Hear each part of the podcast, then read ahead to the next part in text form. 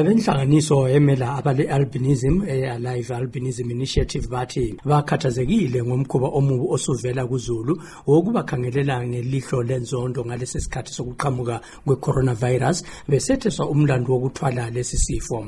Unkosazana kwenlisa mushonga wale inhlanganiso uthi ngesikhathi bevele bethwele labo nzima ngokungenelisi ukusebenza bevalelwe ezindlini nge-lockdown ekhona elizweni bengenelisi ukuzisebenzela ukuze bathole imali yokuzinakekela sebengezelelwe indubo zabo ngabantu ababakhomba ngeminwe lapho abahamba khona besithi babangela i-covid-19 A new myth has been brought in Africa. It's happening in Kenya, Zambia, and even in, in Zimbabwe. It happened to me where people are now saying sibona ukuthi sokule mithi entsha e-afrika ikakhulu kumazwe ekenya zambia ngitsho lakhonapha ezimbabwe lapho abantu asebesithi abantu abale-albinism yibo abathwala leli gciwana le-coronavirus kumbe ukuthi bayi-covid-19 ngokwayo. Uqhubeke ethi kumele abantu batholiswe ulwazi olujulileyo ngezifo ezitshiyeneyo njalo babe lozwelo kwabanye abantu abangabe bekusimo esitshiyenele sabo. Sikhuluma kanje uthi abantu abaphila le-albinism bathwele nzima njengabo bonke abantu elizweni asebephila ebunzimeni beziqondiso ze-lockdown ngoba iningi labo liphila ngokuziphandela okungasavunyezwa okwamanje.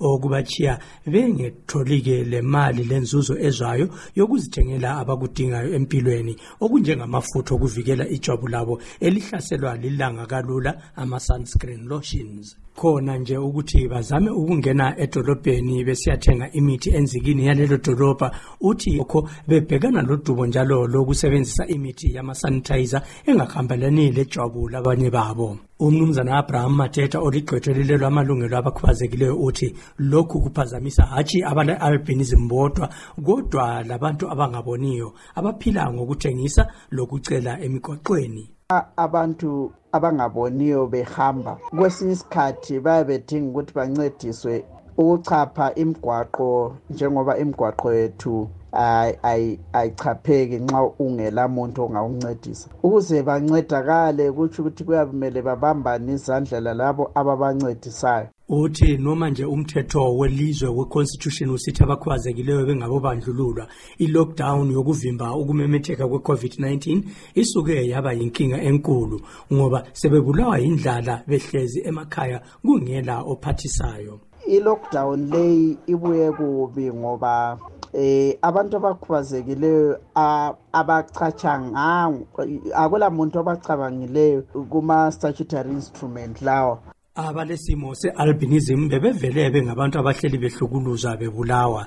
Ngezinye zezikhathi belinyazwa loba ukubulalelwa izitho zabo zomzimba. Kwaba lenkolo yokuthi ziyelapha igciwane lengculaza ele-hiv khona kungasiqiniso imizamo yokuthola icele likahulumende kulolu daba isaphumelelanga ngoba ugatsha oluqhuba lumsebenzi lungasemukulanga incingo zalo. Kodwa uhulumende ubikwa eseke wanikeza imali efika ku-300 dollars kwabakhubazekileyo ngesikhathi se-covid-19 ukuze bephathiseke. Elezimbabwe liphakathi kwe-lockdown eyalisa abantu ukuhambahamba mahlayana uhulumende ethi kabahlale ezindlini abantu ukuba bevikeleke kusifo se-covid-19 esilokhe sihlasela ilizwe ngamandla okubonakala ngokuqansa kwenani labantu abatholakala belalo.